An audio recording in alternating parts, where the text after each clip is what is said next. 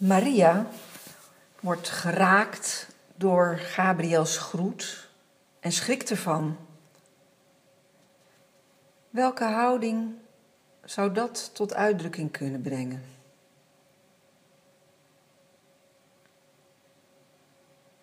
En tot welke beweging nodigt die houding dan uit?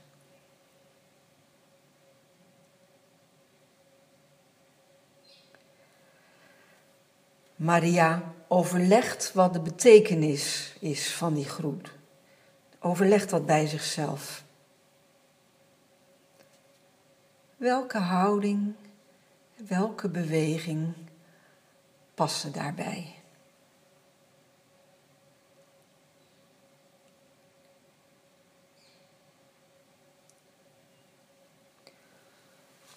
Hoe zal dat gebeuren ik heb immers nooit gemeenschap gehad met een man, vraagt ze. Maria vraagt.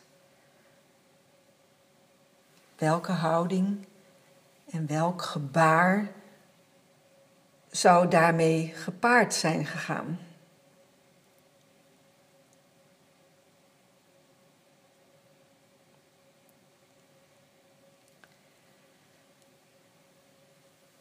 Na alle woorden van Gabriel gehoord en geproefd te hebben, zegt ze: De Heer wil ik dienen.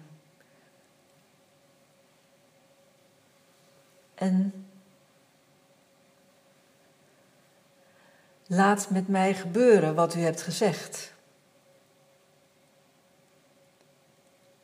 Welke houding en welk gebaar zou dat tot uitdrukking brengen?